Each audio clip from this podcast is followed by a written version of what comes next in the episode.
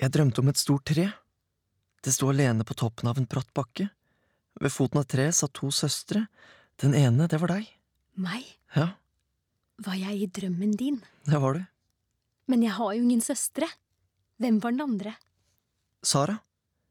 I drømmen lignet hun ikke på Sara, men det var henne. Fortsett. Jo, det var det treet.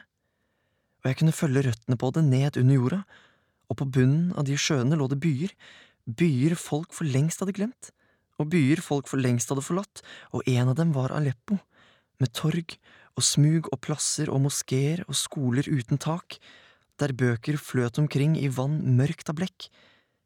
Og jeg kunne se huset ditt, og trappen opp til det, og rommet der du og brødrene dine brukte å sove. Du ligger i sengen din, alle de andre sengene er tomme, brødrene dine er ikke der, og Sara er like utenfor.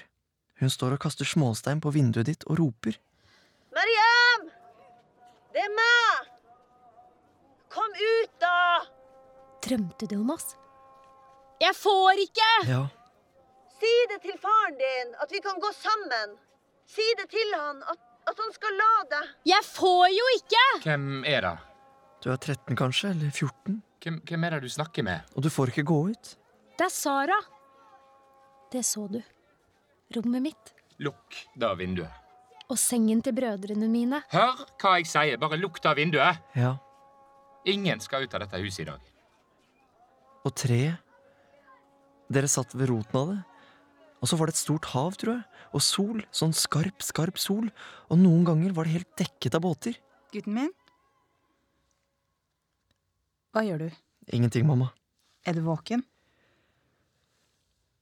Snakker du med noen? Jeg? Jeg syns at jeg hørte stemma opp her. Får du ikke sove?